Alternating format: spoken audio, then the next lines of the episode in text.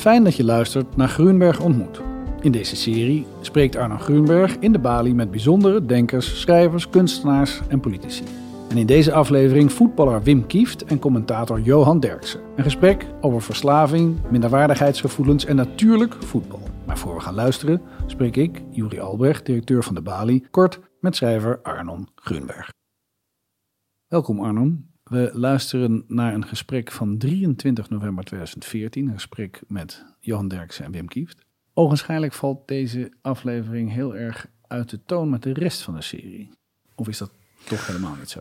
Nee, dat vind ik eigenlijk niet. Als we zeggen de serie gaat over transgressie, Mhm. dan vind ik zeker natuurlijk het levenslot van Wim Kieft na zijn carrière. En misschien ook al tijdens, dat weet ik niet helemaal. Mhm. Ja, op het moment dat je dronken en doorgesnoven in de bosjes van het Beatrixpark ligt en daarover schrijft. Ja, schrijft ook. En het park waar ik altijd doorheen liep op weg naar mijn middelbare school, en waar ik met als kind heel vaak kwam, dat is een en al transgressie. En ook als je wist, ik bedoel, Wim Kieft is natuurlijk toch meer dan een profvoetballer. Meer dan een? Hoe Ja, je? nou, ik bedoel, omdat hij tijdens de enige keer dat Nederland in de laatste jaren, ik bedoel, het Europees kampioen, 88 meen ik. Het was een wedstrijd tegen Noord-Ierland of Ierland. Maar in ieder geval, in het laatste moment en maakte Wim Kieft dan een heel belangrijk goal. Eh, Hij, kan zich, hij wilde zelf niet meer aan herinnerd worden, maar dat stelde Nederland staat. Daardoor ging Nederland door, versloeg Duitsland en uiteindelijk Rusland en werd Europees kampioen. Dus daardoor, dat is eigenlijk zijn heldendaad. Die Ja. heeft hij verricht. Hij, kwam Ja. toen, hij was reservespeler, Een nationale verlosser. een nationale verlosser. Ja. En daarnaast is het eigenlijk een hele belezen en verlegen en, en sympathieke man. Die, dat blijkt ook uit zijn boeken en ook wel uit wat hij vertelde. Die zich eigenlijk in die voetballerij totaal niet thuis voelde. Nee. Ik kan me nog herinneren dat hij vertelde dat hij zo'n hekel had aan Hans van Breukelen. Die toen de tijd ook nationaal keeper was. Die die afschilderde als een fanaticus. Die dan foto's ophing van, het, van de tegenstander van volgende week. Op de kleed, op, de, op die hokjes, weet je wat, hoe noem je dat? Dus de, de, de kleedhokjes, lokkers, ja, de ja. lokkers. En eh, dat hij die, die foto's er meteen afrukte, want daar moest hij niets van hebben. Dat deed hij, je, je directe tegenstander, dat hij daar dan naar moest kijken om zich op te laden. Dus er zit ook een soort relativering in Kieft, die ik heel sympathiek vond. Ik moet zeggen, ik had meer met hem dan met eh Dirksen. Niet eens, want later bleek hij ook aan transgressie te doen op eigen wijze. Maar Johan Derksen. ja, maar ik vond hem wat een, vond hem een minder fascinerende man dan Kieft. Ik vond hem wel als duo grappig, maar dat, ja, de persoonlijkheid van Kieft lag mij meer dan van Dirksen. Ja, dat wist je van tevoren niet. Maar dat merkte Nee, je dat merkte het ik tijdens dat gesprek. Ja. Natuurlijk ook, Kieft heeft gewoon op hoger niveau gevoetbald. Heeft Zeker. meer, verhalen. En, en Derks is meer, ja, een man die toen hij heeft natuurlijk heel lang voor Voetbal International gewerkt. En het zijn van commentator is natuurlijk ook toch een heel raar, raar beroep. Ja, zeker. Hij is de laatste maand natuurlijk erg veel in het nieuws geweest. Hè? Ja. Jan Derksen. Moest je nog wel eens aan het gesprek terugdenken als je hem zo in het nieuws voorbij zag komen? Ja, toen dacht ik, god, ik bedoel, als we het hebben over een symbool van het kwaad, vind ik dat ook wel een, een zielige keuze. Dat Johan Derksen, het zegt toch wel iets over de Nederlandse cultuur en samenleving, dat zo'n man het symbool wordt van het, van het grote kwaad. Hè? Nederland is een land van echt van fundamentele wegkijkers. Dat ze zelfs als ze het symbool van het grote kwaad willen aanwijzen, nog blijven wegkijken. Zodat het vooral niet al te onbehagelijk wordt. Ja. Gaan luisteren. Ja.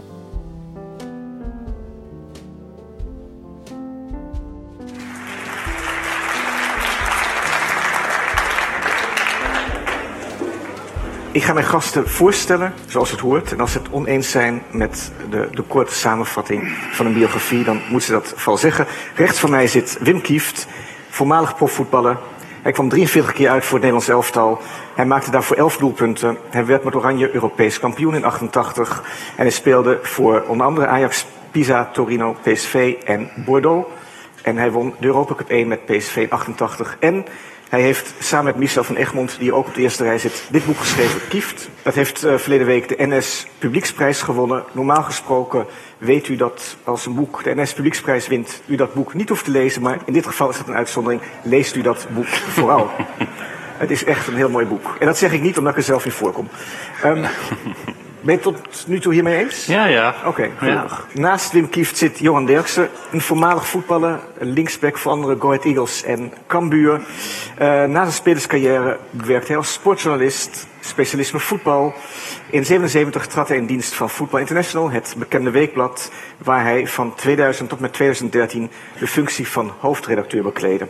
En daarnaast is Johan Derksen uiteraard bekend van het programma op televisie en ook gast in diverse praatprogramma's over voetbal. Mee eens? Uitstekend. Goed. Omdat ik niet eh, de indruk wil wekken dat, want dat gevaar bestaat dat wij zo meteen, dat, dat, dat voetbal hier belachelijk wordt gemaakt, helemaal niet. Wil ik eigenlijk beginnen met, met een heel positief en mooi fragment. Een fragment waar Willem Vissers, eh, verslaggever voor de Volkskrant, eh, over heeft geschreven een half jaar geleden. Dat is een warming-up van eh, Maradona Het is 1989, de wedstrijd, tweede, tweede wedstrijd tussen Napels en Bayern München. En we gaan heel even naar die warming-up kijken, want dat vind ik wel een mooi begin om dit gesprek mee in te leiden.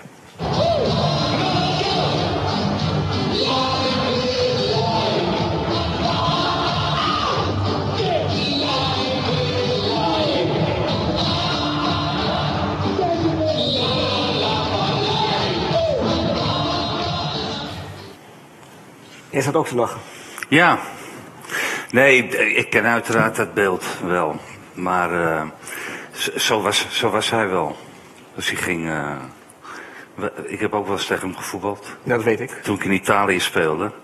Het was, echt nog, het was nog echt heel jong. En dat hele elftal van Pisa, dat was heel jong. En toen, dat was de tweede of derde wedstrijd van de competitie. En speelden we thuis tegen, tegen Napoli. Maar wij waren allemaal echt heel benieuwd uh, om Maradona te zien. Dat was echt een sensatie in die tijd. Had het, had het nu ook nog geweest trouwens. Maar hij kwam niet. Weet je, wij gingen de warm-up doen, maar iedereen was er behalve... Uh, behalve Maradona. Diego. En die kwam de vijf minuten voordat die warming-up uh, klaar was. En toen kwam hij naar buiten, zo, veters los, trainingsjackje aan. En dan ging hij gewoon trucjes doen. Maar dat was wel gemeend. Ik, ik verdenk hem er wel van dat hij daar ook wel die camera heeft gezien ergens hoor. Waarschijnlijk was het ook op dat scherm of zo. Dat hij Want hij was wel, hij was wel een, uh, ja, was wel een showmannetje uiteindelijk. Maar als je, dat, als je hem vergelijkt met, met Messi, hè, als je het over de grootste voetballers hebt alle tijden, ja, hij heeft veel meer exposure. Hij, eh, weet je, je kon hem haten, je kon hem, je, je kon hem, hem adoreren. Maar je kon er nooit omheen dat het een geweldige voetballer was. Die altijd ter discussie stond. Weet je, door zijn gedrag.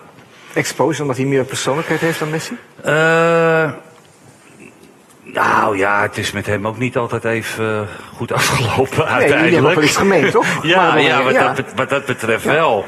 Dus hij, nou, misschien, misschien is dat wel herkenbaarder dan een Messi die altijd altijd de ideale schoonzoon blijft. Waar je eigenlijk nooit iets van zijn gezicht kan aflezen. En dat, dat kan je bij hem wel. En ja, als je het mij vraagt, vind ik hem nog steeds de allergrootste voetballer aller tijden. Want natuurlijk, dan ga je. Maar in deze tijd waarin je alles eh, honderdduizend keer uh, kan zien, zag je het vroeger wat minder vaak, omdat er minder aandacht was. Maar het voetbal in die tijd, ik ga niet zeggen dat het beter was, maar het was veel fysieker en veel defensiever uiteindelijk. Hij speelde in Italië. Was er bij uitstek heel verdedigend speelde. Hij was, hij was groot. Hij was echt groot. Maar hij kon het ook niet allemaal aan op een gegeven ogenblik. Wat, wat is zo mooi aan deze warming-up, Johan? Nou, ik was daarbij toevallig. Je was daarbij? ja, ik was overal bij de afgelopen 40 jaar. daar twijfel ik niet aan. Maar uh, ik heb toen eh, ook daarna zitten kijken. Het was inderdaad heel camerabewust.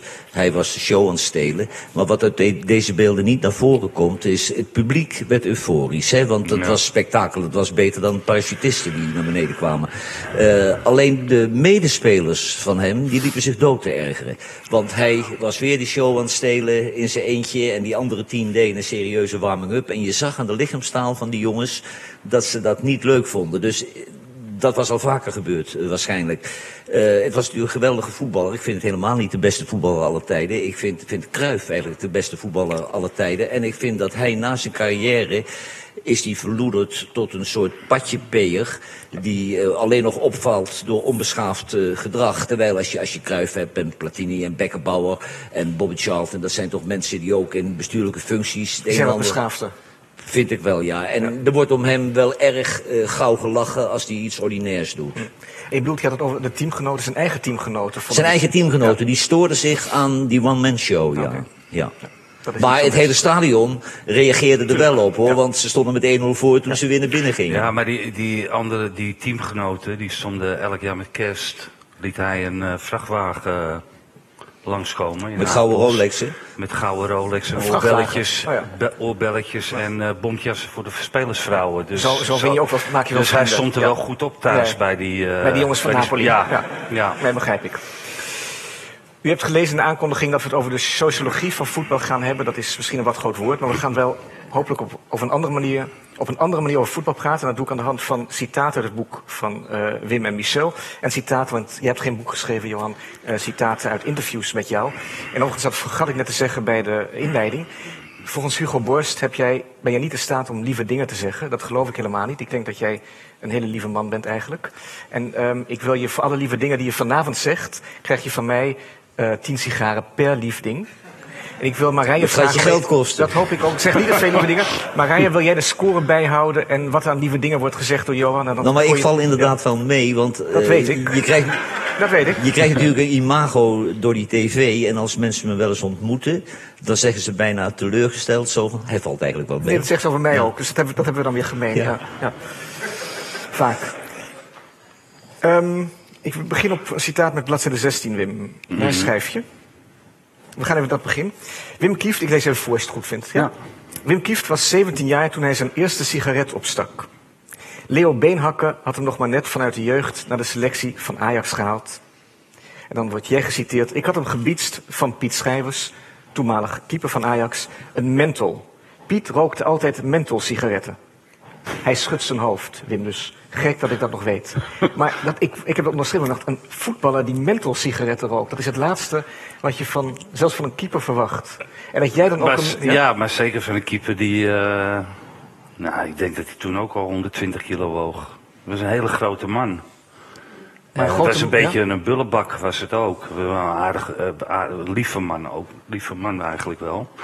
Maar hij, uh, ja, maar hij rookte menthol-sigaretten. En ik, maar ik had in die tijd... Ja, weet je, 17 bent, rook je eigenlijk nog helemaal niet. En je had het al helemaal niet in je hoofd om te roken eh, waar andere spelers dat zien of zo. Dus toen dacht ik, nou ja, het wordt ook wel eens tijd dat ik ga roken of ja. zo. Maar die sigaretten vond ik niet lekker, dus nou, toen begon ik met een menthol, dat valt wel mee. Ja, menthol hoef je niet te inhaleren. Nee, ik heb nee, ook menthol ja. ja.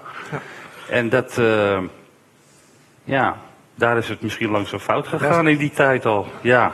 Maar ben je, waarom vond je het tijd worden om te gaan roken? Omdat je dacht dat is. Nee, maar dat, je moet niet vergeten dat als je. Kijk, je, de, de, de, je slaat wel een stuk over in je, in, je, in je jeugd, zeg maar, als je voetballer wordt. Als je, als je vroeg gaat voetballen, dan ben je, ben je 17 en alle andere jongens of 17 zijn uit gaan studeren of wat dan ook. Jij valt in één keer in een, uh, uh, in een patroon van ja, werken. Weet je, in, in de maatschappij min of meer.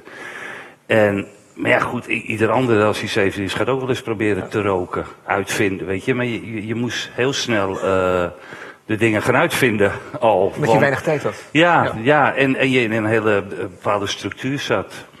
En, ja. en alle grote spelers rookten in die tijd, hè, ja. in de kleedkamer. In de kleedkamer ja, dus. ja. in de wc en zo. En nee, ja, maar, ja, en, en ik deed dan wel stiekem, maar later, toen bij PSV ging, iets meer status, weet je, dus dan denk je ook dat je iets meer kan permitteren. Maar daar zaten we gewoon te roken uh, na afloop van een wedstrijd. En dat mocht van de trainer? Ja. Ja, die rookte mee? Ja, in principe ja. gaf hij ons ook wel, Guus Hiddink was trainer. Ja. Ah, die begon ook, die begon, die begon ook net. Dus ja. die dacht, ik ga, ik ga niet vervelend doen tegen die spelers natuurlijk. Dat is heel verstandig. Dus ja, ja. ja. Nou, daar is hij heel groot mee geworden ja. uiteindelijk. Dus dat, het geheim van een goede trainer is niet vervelend doen tegen spelers. nou ja, je moet ze een beetje... Nee, nou, ja, je, moet, je moet wel de, geven, de grote spelers moet je inpakken.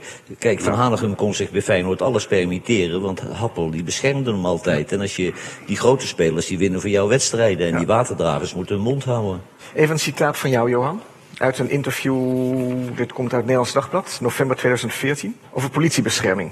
Dan zeg je, ik heb drie keer politiebescherming gehad, ook al hoefde dat niet van mij. Een keer voorspelde ik op televisie dat Feyenoord uit zou winnen bij Willem II. Toen belde een Tilburger naar de politie dat hij mij zou doodschieten. Maar er liep een bandje mee. Ik heb een tijd de belangstelling mogen ondervinden van ADO-fans nadat ik wat kritiek op Den Haag had geuit. En ik maakte een opmerking over Marokkanen die Gouda theoriseren. Vergeten wordt dan weer dat ik, ook, dat ik het ook bedenkelijk vind dat veel mensen uit reactie op de PVV gaan stemmen. Je doet het nooit goed in dit land. Even laten we even Gouda um, vergeten, maar die politiebescherming. Is dat iets wat naar jouw idee meer is geworden? Dat voetbal en schrijven over voetbal agressie oproept? Nou ja, kijk, als je een mening hebt over de plaatselijke linksbuiten, kan dat heel primitieve reacties opleveren. En ik heb een keer politiebescherming gehad wegens RKC. Daar hadden ze een man, een koppelbaas die alles betaalde. En ik werd op zijn bureau uh, ontboden werkelijk. En toen zegt de voorzitter, kijk nou uit, want er is een spiegel op zijn kantoor. Dat is zo'n politiespiegel waar je doorheen kunt kijken. En daarachter staat zijn broer met een videocamera. Dus ik kwam daar, ik was gewaarschuwd, ik kwam daar binnen. En die man die zit daar en die zegt, ik, uh, ik weet waar je mee bezig bent. En ik kom in dat stuk over RKC voor. Ik wil niet dat dat gepubliceerd wordt. Uh, hij zegt, maar we maken een goede deal. Hij zegt, moet ik je huis verbouwen? Moet je gewoon geld? Of wil je gratis naar de hoeren? Uh, dat is een goede deal, ja. Toen heb ik dus tegen hem gezegd, meneer Van der Pen, kan alle drie ook. Maar uh, die humor had hij niet. En toen, toen werd ik bedreigd. En politiebescherming vraag je niet aan hoor, die krijg je. Toen heeft de politie in Waalwijk, heeft de politie waar ik woonde, ingeseind dat ze dat uh, heel serieus moesten nemen. Hetzelfde hebben we gehad dat er een agent aan de deur kwam dat hooligans uit Den Haag wat uh, van plan waren. En ik woon tegenwoordig op een dorp, dus toen zei ik nog tegen die agent, dan hoop ik dat ze op dinsdag of donderdagmiddag tussen twee en vier komen, want dan is alleen het politiebureau bij ons open. Ja. En, uh, en ik heb dus die man uit Tilburg gehad en die hebben ze gepakt. En toen kwam de politie uit Tilburg of ik aangifte wilde doen. En ik loste het heel soepel op want ik ben gewoon niet naar die wedstrijd gegaan natuurlijk. En die man is veroordeeld tot een taakstraf. En die heeft zich één keer gemeld in het bejaardentehuis en die hebben ze nooit meer gezien. En dan gaan we over tot de orde van de dag. Maar ik heb tijden gehad dat ik ochtends uh, in de computer uh, eerst alle doodsbedreigingen uh, weg deed voordat ik aan de koffie begon. Dus het is eigenlijk stabiel, die doodsbedreigingen zijn... Ja, er is nog één man, en ik weet niet of dat kan op een computer, dat je dat automatiseert. Er is één man die iedere ochtend al jarenlang mij mailt... Derkse neuk je moeder. Iedere ochtend? ja. Het zal een doorzetter. Je zegt een doorzetter, ja. ja. nee, dat is... Jij krijgt dat soort mails niet, neem ik Nou, in mijn ijdelheid, toen ons boek uh, op de markt kwam, ben ik wel eens, eens een keer die uh, reacties uh, gaan. Twitter kijken. Nou, dat, dat, begon allemaal best leuk of zo, weet je. Mooi boek, dapper en noem maar op. Maar ja, op een gegeven ogenblik was het ook wel, sinds wanneer had ik weer bij VI gezeten of bij de Europa League. En dan, weet je, het is altijd wel de supporters of zo, of van Ajax of van, nou Ajax eigenlijk nooit. De, die, nee, maar ik heb idee, die club Ajax en, en die supporters die maken zich nooit zo druk om de rest om Feyenoord of PSV. Maar ja, goed, als je de uitzending iets niet leuks zegt over Feyenoord, dan... Uh, Krijg je ook een paar mails? Ja, is het uh, tegenwoordig dat verslaafde junks ook al een podium krijgen om iets te roepen over voetbal. Ja. Weet je, en dat uh, ja. nou, vind ik wat ongenuanceerd. Ja, best wel. Ja, vind ik ook. Ja. Of niet? Ja. ja. Nee, die had ik niet moeten sturen. Even nog we gaan even verder met een citaat uit jouw boek. Er zijn ook een aantal citaten, wil ik eentje voor gebruiken, opgenomen uit, uit het stappenwerkboek van Narcotics Anonymous. Ja. En um, van stap 4 wil ik je even citeren wat je zegt op de vraag: welke tegenstrijdigheden in mijn karakter maken het voor mij moeilijk om vriendschappen of liefdesrelaties in stand te houden? En dan antwoord jij: wil niet vastkomen te, zetten in, wil niet vastkomen te zitten in verplichtingen, wil vrienden zien wanneer het mij uitkomt. Ik ben eigenlijk in heel veel mensen niet geïnteresseerd vind het moeilijk om in groepen te zijn zonder alcohol. Ging eigenlijk alleen ergens heen als er werd gedronken. Voelde me anders niet op een gemak. Heb, had dan ook niets te vertellen. Geeft, gaf me het gevoel dat ik beperkt was. Kan, durfde niets echt te vertellen. Voelde me zonder drank minderwaardig. En voor dat laatste heb ik onderstreept. Ja, daar heeft je nog uh, het redelijk in gekort volgens mij. Oké. Okay. Het ging veel langer. maar even over dat, dat, dat minderwaardig zijn. Want het is denk ik, veel mensen vinden dat, denk ik, merkwaardig. Je hebt een fantastische carrière achter de rug. En ondanks alles, die minderwaardigheid, die is eigenlijk, dat gevoel is veel sterker dan welke successen je ook hebt behaald. Ja. Nou, nou, dan moet ik er wel bij zeggen dat in de periode dat dit allemaal opgeschreven ja. niet echt lekker met me ging. Nee, dat, begrijp nee. ik. Dus maar toch. En, ja. ja. Nee, maar ik heb, ik heb dat altijd wel zo, zo ja, bepaalde aanleg tot uh, minderwaardigheid, min, een minderwaardigheidsgevoel. Um, maar ik had ook met, met voetballers, dat wel, dat ging best wel vaak heel goed, uiteindelijk. Maar dat je dan altijd wel weer bang was voor het, voor het volgende moment. Dat het, dat het niet goed zou, zou gaan. En dan had je steeds maar die druk legde jezelf op dat je als dan weer een slechte wedstrijd zou spelen. De mensen zeiden, ja zie je wel, dat was toeval. Die gozer kan er helemaal niks van of zo. En dat was best wel, maar ik, op, verder op in mijn carrière kreeg ik wel een bepaald zelfvertrouwen, weet je. En dan had ik wel een hele stabiele basis of zo. Maar over het algemeen kon ik er weinig van genieten. Ik wilde dat ook nooit etaleren of zo. Van kijk, ik ben goed. En, en dat, dat, dat zit niet zo in mijn, uh, in, mijn karakter, denk ik. Dus ik vond, ik vond dat best wel vaak uh, ja, moeilijk om mee om te gaan. En, en na je carrière, toen je afscheid nam als, als profvoetballer, werd het gevoel toen, toen meer? Of werd het, omdat die druk dan wegvalt? Ja, nee, ik vond het wel prettiger uiteindelijk. Ja. ja.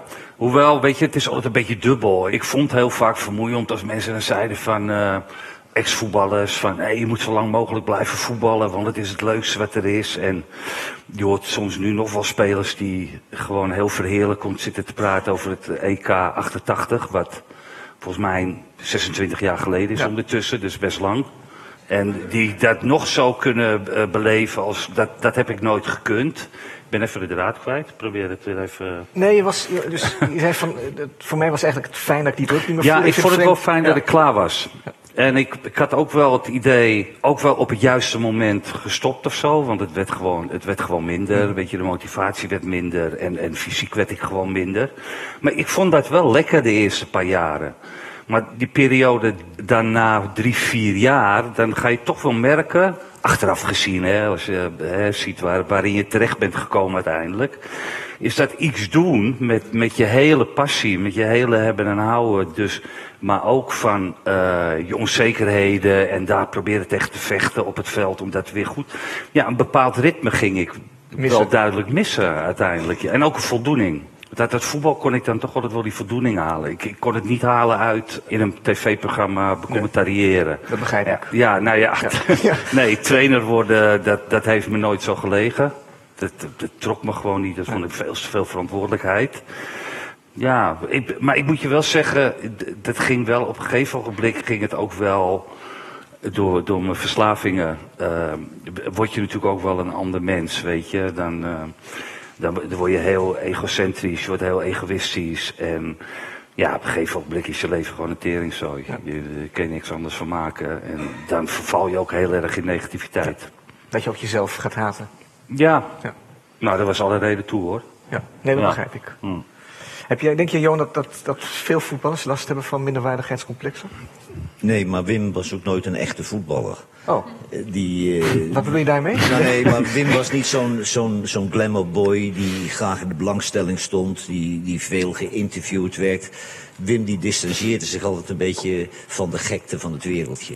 Die kon ook wel lachen en die zag ook wel dat gekke gedrag van die spelers. En dat vermaakte hij zich wel mee van die, die pseudo-verdetten allemaal, die dachten dat ze, ja, dat ze de hele wereld bezaten. En, en Wim heeft daar nooit aan meegedaan. Omdat hij wel doorhad hoe treurig het eigenlijk was, of hoe pathetisch. Ja, hij keek daar doorheen, op een of andere wijze. En jij ook? Ja, als je bij Veendam speelt, kijk je bij Veendam... Nou, maar ik, ik bedoelde meer als... Nou ja, maar weet je, sorry hoor dat ik inbreek, maar... Nee, is goed. Je, je moet uiteindelijk wel een, uh, op het moment dat je, dat merkte ik in het einde van mijn carrière, op het moment dat je te veel gaat relativeren, dat je alles gek vindt en alles belachelijk vindt en die een idioot vindt en dat ritueel belachelijk vindt, ja, dan heb, dan heb je werkelijk een probleem. Want dan ga je verzetten, dan, dan kan je niet meer zo echt die focus hebben, gewoon die, oog, die, uh, die, oogkleppen. die oogkleppen op hebben om, ja, want als je het allemaal gaat toelaten wat er om je heen gebeurt, ja, dan, dan kan, moet je wel eens in je schoenen zakken. Ja, maar eigenlijk het beeld van, van de voetbalwereld wat jij in je boek, schetst is, is behoorlijk ontluisterend. Nou, ja, is dat zo? Is ja, dat, uh... ik, ik, of, had jij het idee dat je reclame maakt voor, de, voor het Nee, maar goed, ik heb, ik, ja, maar goed, dat, ja, ontla voor, voor een persoon zoals, zoals ik ben, maar voor Hans van Breukelen helemaal niet. Nee, maar dat vind je lul. Dat staat nou, letterlijk in het boek. Hans van Breukelen is gezegd? Ja. ja. ja, nee, maar dat klopt wel. Dat, vind ik inderdaad een lul, ja. ja. en uh, het staat er zo hard op papier, hè? Ja, weet ik. Ja. Nee, maar, maar goed. Maar, wat, maar nee, maar ja, dit, was een beetje flauw, Hans van Breukelen. Gaan we niet afvallen, sorry Hans. Maar um, waarom is dat... Ik zeg niks je... over Van Breukelen. Nee, nee, nee, ik, ik, ik wil even weten wat voor mens je moet zijn om daar niet doorheen te kijken. Dus wat voor soort karakter moet je hebben om daar wel in te kunnen geloven? Wat, wat, wat heeft Hans van Breukelen wat jij niet hebt? Nou ja, goed, als jij niet... Ja, dat is een, dat is een goeie. Maar als jij elke dag dat blind... Kijk, hij was ook misschien... Ja, dat, dat klinkt hoogdravend. Maar hij, hij had dat wel nodig, want zo getalenteerd was hij ook niet. Misschien was ik iets getalenteerder. Dus het is eigenlijk En compensatie nou voor... ja, nee, maar ik heb daar wel respect voor. Ik heb daar wel respect voor. Iemand die, eh, ja, we noemen hem Hans van Breukelen, Ja. maar het is net of hij helemaal niks kan. Maar die man heeft ontzettend veel gewonnen in zijn carrière. Maar ja, dat fanatisme, dat, dat blinde eh, meegaan in wat een coach zegt, in eh, de, de normen, de waardes. In, in, in Niet kunnen relativeren. Niet kunnen redden. Ja, Maar we, je wil het niet over Hans van Breukelen hebben. Je wilt over Ja, Misschien, misschien kan ik één ding van Hans van Breukelen eraan toevoegen, waardoor Ja. je meteen weet hoe die in elkaar zit. Ik had Ja. eens een keer geschreven in een analyse dat eigenlijk Stanley Menzo een betere keeper was voor het Nederlands elftal op dat gebied. Toen heeft Hans van Breukelen later, jaren na dato in een tv-programma waar ik bij was, me dat erg kwalijk genomen.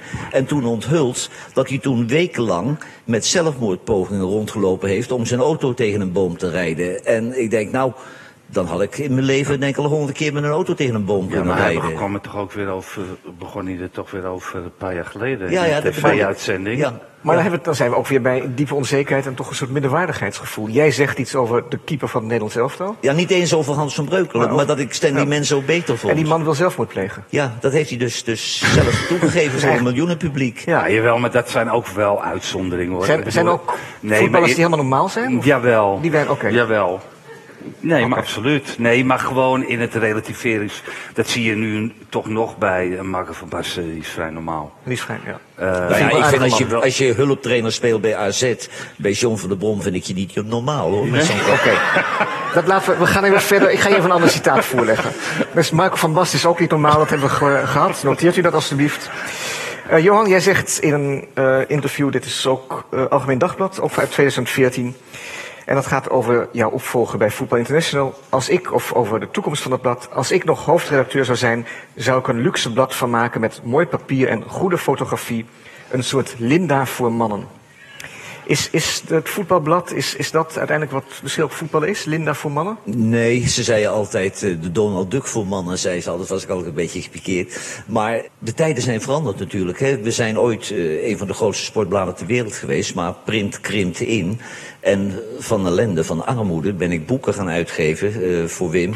Om een, om een alternatieve geldstroom te creëren, om dat tegen te gaan. En als je in het hele bladensegment rondkijkt, dan zijn er maar heel weinig bladen die nog floreren. En, en Linda is een van de weinige bladen die heel goed eh, draait. En als je dan Linda kijkt, dat is mooi gemaakt met goede fotografie, ziet er qua layout fantastisch uit. En ik denk dat je de consument meer moet bieden dan alleen gordroge informatie over voetbal, maar dat je het een beetje aan moet kleden om de opzegbereidheid tegen te gaan. Dus daarom denk ik dat je het wat meer in de kwaliteit moet gaan zoeken om het blad in de markt te houden. Maar aankleden, dan heb je het over het, de vormgeving. Mooiere foto's. of- Zeker, zeker. Aan de verhalen ligt het niet eens zo. Maar het, eh, het wordt, eh, we maken 100 pagina's, of ik heb nog steeds over we, ze maken 100 pagina's actueel in een weekend.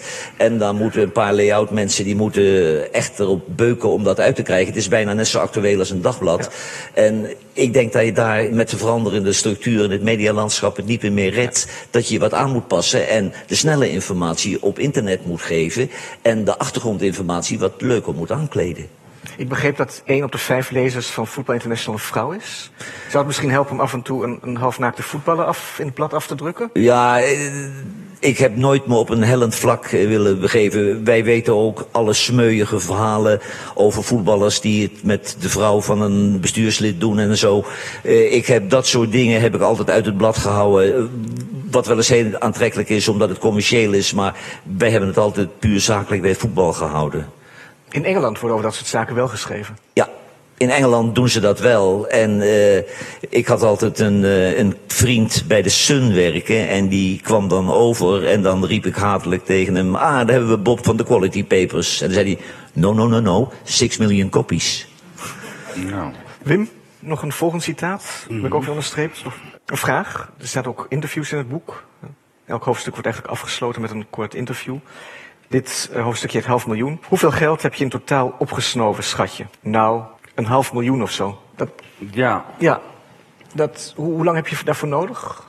Hoe, hoeveel tijd heb je, in hoeveel tijd snuif je een half nou, miljoen? ik denk Dagen we niet uit. in mijn goede tijd. Ja.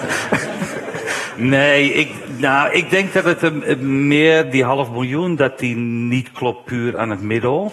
Maar wel Aan hoe, je gaat le- Oké. aan, aan wijn, aan hotels, aan eh, dubbele rekeningen moet betalen. eh. nou ja, op een gegeven ogenblik. Kijk, in, in het begin is het natuurlijk, dan is geld is geen probleem. Ja. Het middel is ook nog niet eens zo'n probleem. Op een gegeven moment ga je de neveneffecten daarvan merken natuurlijk. En nou ja, weet je, het is aan, dat heeft me wel echt heel veel geld gekost uiteindelijk. Maar dat is eigenlijk ook mijn redding eh, geworden. Want als ik nog gewoon geld had, had ik waarschijnlijk doorgegaan. Weet je, mijn leven die, eh, die stortte onder andere door het geld zo in elkaar. Eh, Ik moest mijn huis gaan verkopen. Ik had op een gegeven moment moest ik de sanering in. Maar ik, ik moest wel mijn middel blijven. ik moest wel Ja. mijn middel hebben. Want ik, het is heel makkelijk. Ik zeg mijn geld is op. Ik stop nu ook met, met gebruiken. Maar zo werkt het helaas niet. En ik denk dus als ik nog de mogelijkheid had om dat wel te be- bekostigen. Om die ellende allemaal maar niet te zien waar ik in terechtgekomen was had ik waarschijnlijk gewoon eh, nog doorgebruikt en had ik waarschijnlijk dood gegaan of eh, niet sensationeel bedoeld, maar of ik had nog verder in de, een ziekte opgelopen, weet ik veel. Dus ja, op een gegeven ogenblik, het, het kost klauwen met geld. Dus dat Ajax jou in de tijd voor een hongerloontje liet voetballen, was eigenlijk jouw redding. Wat ze- zeg jij? Dat Ajax jou in de tijd voor een hongerloontje liet voetballen, was Ja. eigenlijk jouw redding. Ja. Ja. Nou ja, ja, nou ja de- toen, toen verdiende ik inderdaad heel weinig. Het was geen hongerloontje, we Nou ja, verdienden eigenlijk veel meer Vergeleken met wat voetballers nu verdienen. Nou ja, ja. Ja. Het, het, het gekke was, ik woonde toen nog bij mijn ouders en ik, ik verdiende het dubbele van mijn vader, bij wijze van spreken. Ja, maar het, weet je, het, dat, daar had het ook opgegaan. Want dan ga je, weet je, je, je bent al een beetje in de, een beetje de war. Je bent totaal in de war uiteindelijk. En je, je, je hebt geen notie meer van eh, wat je met het geld doet en wat je ermee kan doen.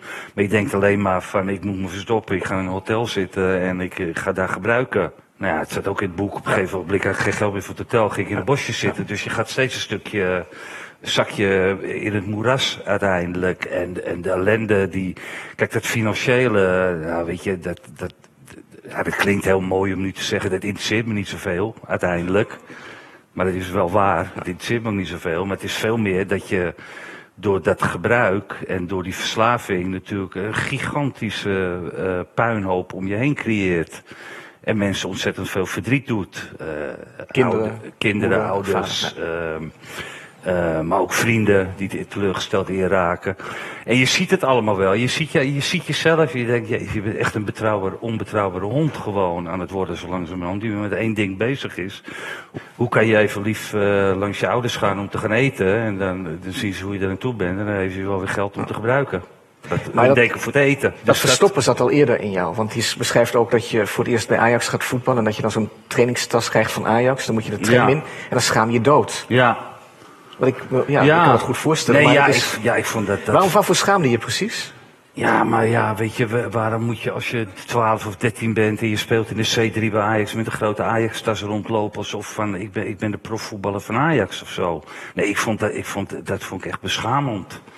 En ik had ook op school, had ik dan, eh, dan, dan ging ik, eh, om de- ja, je hebt wel een beetje aangepast eh, school, schoolrooster uiteindelijk. Dus dan, ja, dan moest ik even tot eh 11 uur naar school met die rode Ajax-tas. Die moest wel mee, want ik ging daarna door naar, eh, ja, weet je, en op school haalde ik alleen maar slechte cijfers. Dus iedereen op school vroeg zich ook af waarom krijgt hij in godsnaam steeds vrij als hij slechte cijfers heeft.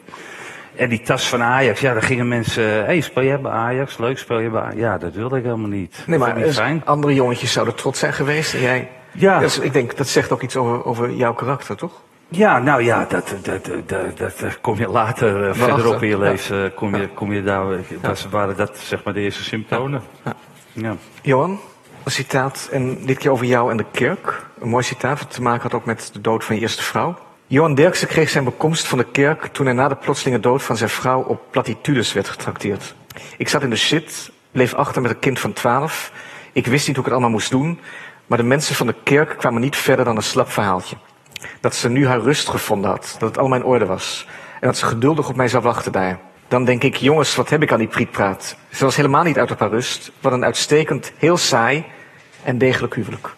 Ja, het zit ook wel eens tegen in het leven. En Nee, maar ja, dat ja. Kijk, ik ben natuurlijk opgevoed, uh, heel christelijk opgevoed. En dan houdt in, dan krijg je op de kleuterschool en op de lagere school krijg je al een hersenspoeling, of je dat nou wil of niet. Maar de juffrouw kan gepassioneerd bijbelse verhalen vertellen en dat gaat erin als koek. Dat geloof je allemaal en neem je voor waarheid aan. Dan word je aan je haren meegesleurd naar de kerk als je jong bent. En dan, als je veertien bent, neem je je voor, als ik eigen baas uh, ben, kom ik hier nooit meer. Want het werkt uiteindelijk toch averechts. Maar dan krijg je tegenslag in het leven. En je staat uh, Nederlandse vormte ingeschreven bij de gemeente. Dus ik verhuisde nogal vaak. En iedere keer stond de kerkraad uh, op de stoep. Uh, op een gegeven moment werd er s'avonds gebeld. Toen ik in Gouda woonde, stond Thijs van der Brink op de stoep. Hè? Want die zat in de kerkraad. En die konden me dan vertellen toch dat ze het wel raar vinden dat ik op zondag werk. En toen mijn vrouw uh, overleed, dan krijg je weer zo'n dominee en een paar van die ouderlingen op bezoek. Niet dat ik ooit in die kerk geweest was. En die gaan dan een verhaal zitten houden, nou ja, wat je helemaal geen behoefte aan hebt. Want je zit daar met je verdriet en met je ellende en met een kind. Ik was die vriendelijke oom die altijd naar belangrijke voetbalevenementen moest. Die met een cadeautje terugkwam, maar ik wist niet hoe de wasmachine werkte en zo. Hè. En dan komen die mensen vertellen van dat het allemaal dik in orde is en ze wachten op jou en zo. En toen heb ik gezegd, nu laat ik me uitschrijven. Ik wil er ook helemaal niks meer mee te maken hebben. En intussen vind ik, en dat is geen belediging naar christelijke mensen, maar dat de Bijbel voor mij dan althans een, een gedateerd sprookjesboek is. Mm, dat weet ik, ja. Maar die weerzin tegen prietpraat, is dat, is dat iets wat jou vanaf die is dat iets wat je altijd al had? En hoe kan je die weerzin tegen prietpraat combineren met, met het praten over voetballen de hele tijd? nou, praten over voetbal, dat, dat, dat, is, dat is commercieel. En wij zitten bij de commerciële tv.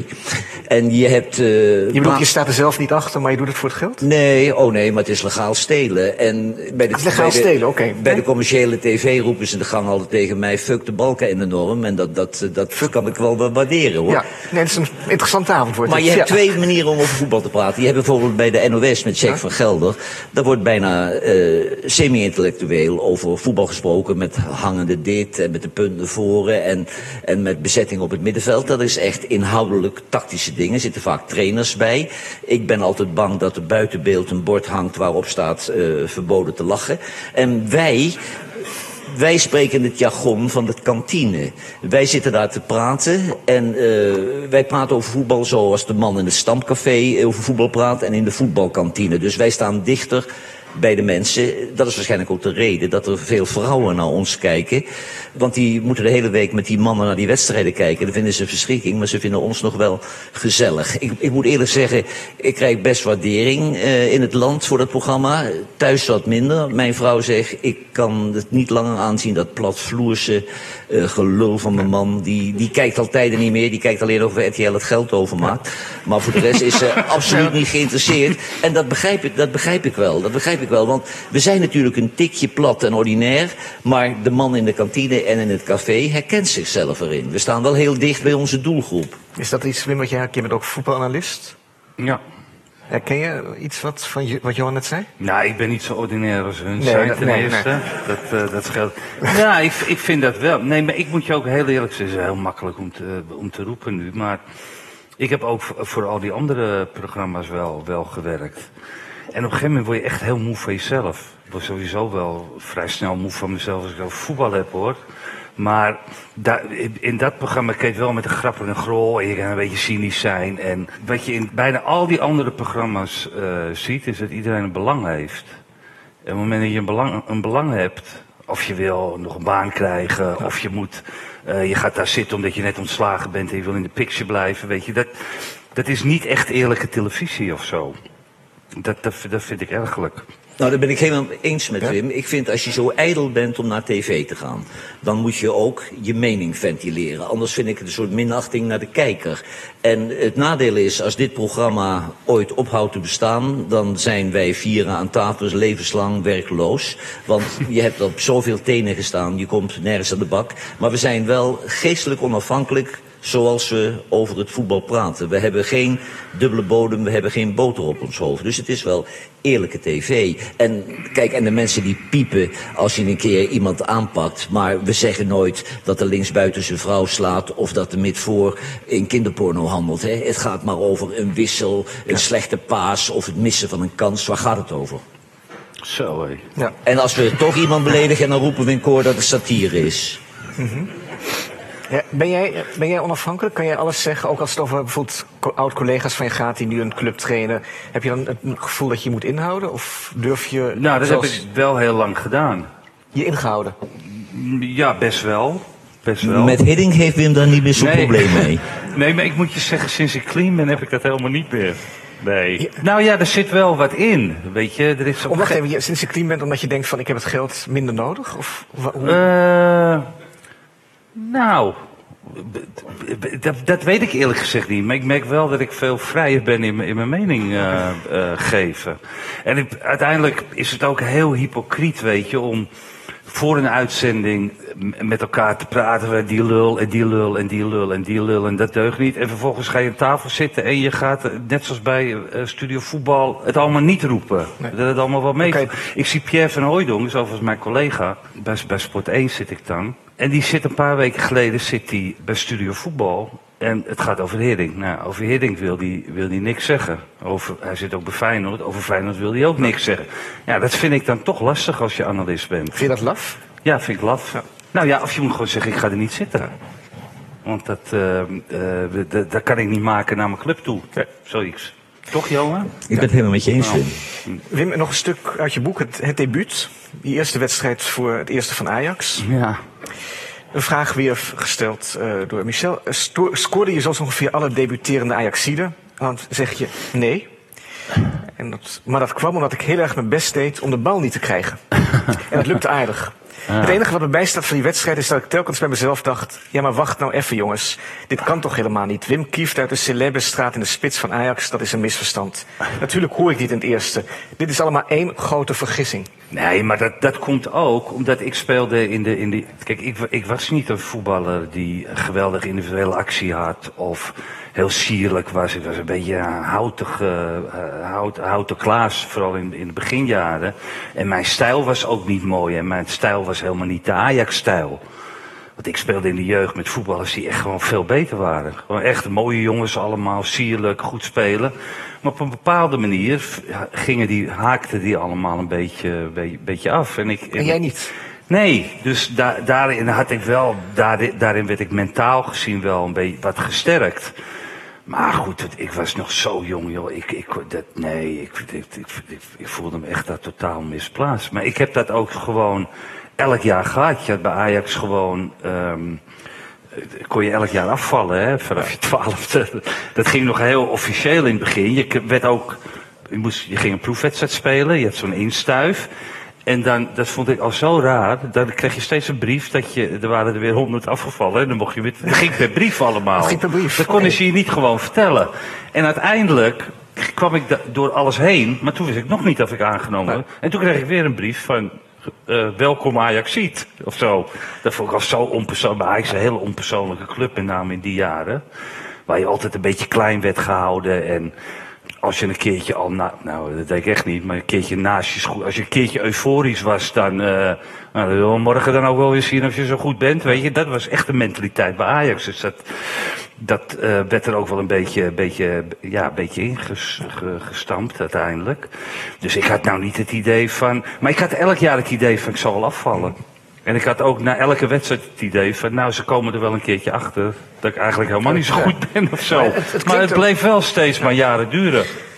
Maar eigenlijk is het verbazingwekkend dat je niet bent afgevallen. In die zin dat, dat je, het klinkt alsof je het zelf helemaal niet erg had gevonden om af te vallen. Nee, dat, dat is niet waar. Nee? nee, nee, want ik had uiteindelijk, denk ik wel, maar een beetje bla bla, maar weet je, het is wel uiteindelijk dat, dat ik gewoon mentaal wel heel- uiteindelijk heel sterk was.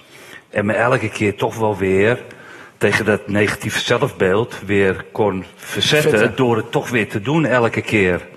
En dan, dat- maar het was wel heel vermoeiend, want dan deed ik het een keer goed en toen dacht ik, ja, maar dan zal het morgen wel weer slecht gaan. ja. En dan krijgen ze toch weer gelijk dat ik niet goed was. Dus die dat- mentale sterkte van jou kwam eigenlijk door dat negatieve zelfbeeld.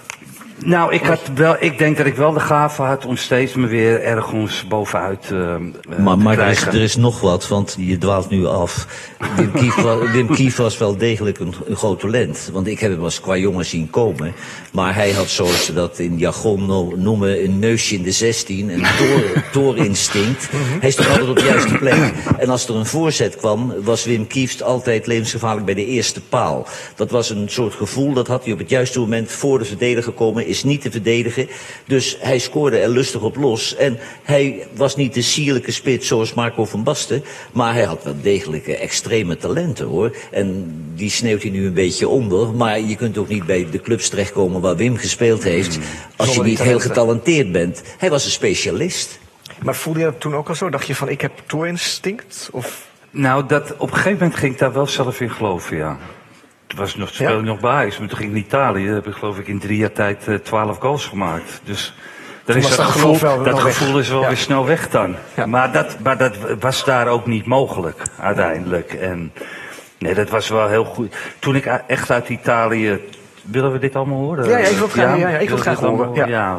en toen ik terugkwam uit Italië, toen, toen had ik wel het idee van... Nou, ik heb me wel heel goed ontwikkeld of zo. Ik ben nu wel een stabiele, volwaardige speler. En toen was dat minderwaardigheidsgevoel ook weg. Ja. Nou, ja. Nou, dat duurde nog twee jaar. Maar toen op een gegeven ogenblik... Maar ik had dan altijd wel weer... Dan, dan had ik dat gevoel in één keer weer. Ja, en dan ging ik erin geloven. En dan, dan ehm, viel ik weer heel diep. Ja. En toen ging ik eh, een jaar naar Bordeaux. En ik denk, nou, dan ga ik het daar ook wel even doen. Maar daar heb ik geloof ik drie goals gemaakt in eh, 34 wedstrijden. Dus weet je, dat was elke keer... Maar het hield je wel wakker. Dat het slecht ging, hield je wakker. Ja, want ik had altijd wel, als ik erg goed ging, dan werd ik ook wel weer een beetje gemakzuchtig of zo. Dus ik had steeds uitdaging nodig. Johan, Algemeen Dagblad, 7 juni 2014. Hier zeg je, wij zijn alle schaamte al lang voorbij. Een, serieu- een serieuze journalist, gaat over jezelf, dat moet je ook niet overdrijven. Op het moment dat je hoofdredacteur wordt van zo'n blad, zijn de VI, moet je heel commercieel denken om de toko overeind te houden. Bij, de commerciële televisie helemaal, ik geneer me er absoluut niet voor. Als je puur journalistiek denkt, dat ik in de jaren dat ik nog geen verantwoordelijkheid had gezegd, die Dirkse is verloederd. Dus eigenlijk zit ik, ik zit met één man die de verloedering te boven is gekomen aan tafel. Jij bent, en jij bent nog steeds bezig aan het verloederen? Ja, ja, Is ja. dat- Dat, is een we- proces, dat houdt me niet op. Nee. Eh, nee, maar het is zo. Mensen zei- ze- zeiden wel eens in het verleden tegen mij: Goh, jij hebt een tv-programma en zo'n blad en een, een site met 300 bekijken, kijkers eh, per dag en een radiostation. Goed, jij hebt een macht. En dan dacht ik: mensen, je moet eens weten. Als je hoofdredacteur van zo'n blad als Voetbal International bent, heb je helemaal niks te zeggen. Dan moet je de hele dag moet je, je oren laten hangen naar een stelletje snotneuzen die eerder miljonair zijn dan volwassen, die geen fatsoensnormen hebben en denken dat de wereld van hen is. Want ieder verhaal, ieder interview met een voetballer, dat moet je dus ter goedkeuring aanbieden bij de speler en bij de club. En die screenen het en dat krijg je terug, helemaal gecorrigeerd. En of wij dat nou zijn of een deftige krant, dat heeft Van Gaal ooit geïntroduceerd.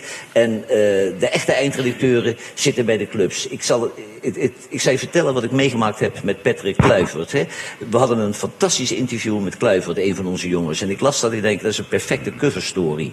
En, eh, Waarom, dan- als ik vragen mag? Wat was er zo goed Heel aan? openhartig, Ja. eh, zoals Wim. Want die heeft ook wat problemen gehad en daar vertelde hij alles over. En eh, hij schaamde zich ervoor, hij had er spijt van. was een goed verhaal, kwam die jongen goed in uit. En dan begint ellende. Moet Patrick het lezen. Die leest zijn eigen woorden terug. En eh, die, die denkt van dit moeten we niet hebben. Dan moet de voorzitter van Ajax, waar die toen speelde, moest het lezen. Van Gaal was de trainer, die moest het lezen. Kreeg ik het terug van Van Gaal met rode strepen. Die had nog twee taalfouten gevonden. Had hij erbij gezet. dit is een ger- Germanisme. Zijn zaakwaarnemer moest het lezen. Zijn advocaat, zijn irritante, dominante moeder moest het lezen. En zijn vader, van wie we niet wisten dat hij kon lezen, moest het ook nog lezen. Die hebben allemaal gestreept. En dan blijft er een lullig verhaaltje over, dat mag je publiceren. En dan kom je iemand tegen die zegt, en die zegt dan tegen mij, ja, je hebt een macht. Nee, je hebt helemaal niets te zeggen. En ik maakte nooit het blad wat ik mooi vond. Ik maakte het blad wat de consument wilde. Dus ik liet lezersonderzoeken houden. En dat willen de lezers. Interviews met voetballers. Waarom weet ik niet, want ze hebben allemaal mediatraining gehad. Ze maken nog wel geluid, inhoudelijk zeggen ze niks meer.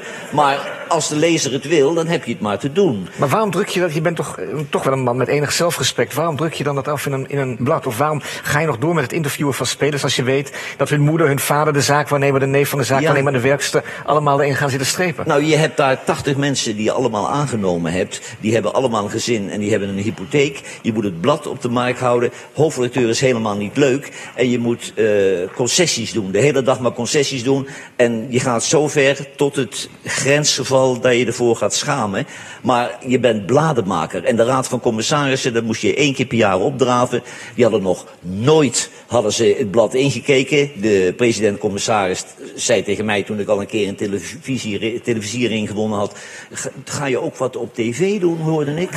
Eh, en, en ze waren alleen maar geïnteresseerd in de, in de cijfers. En zo is het echt een gevecht om een blad op de, op de markt te houden. En als je als hoofdredacteur je principieel een journalistiek gaat opstellen, moet je 30 mensen ontslaan.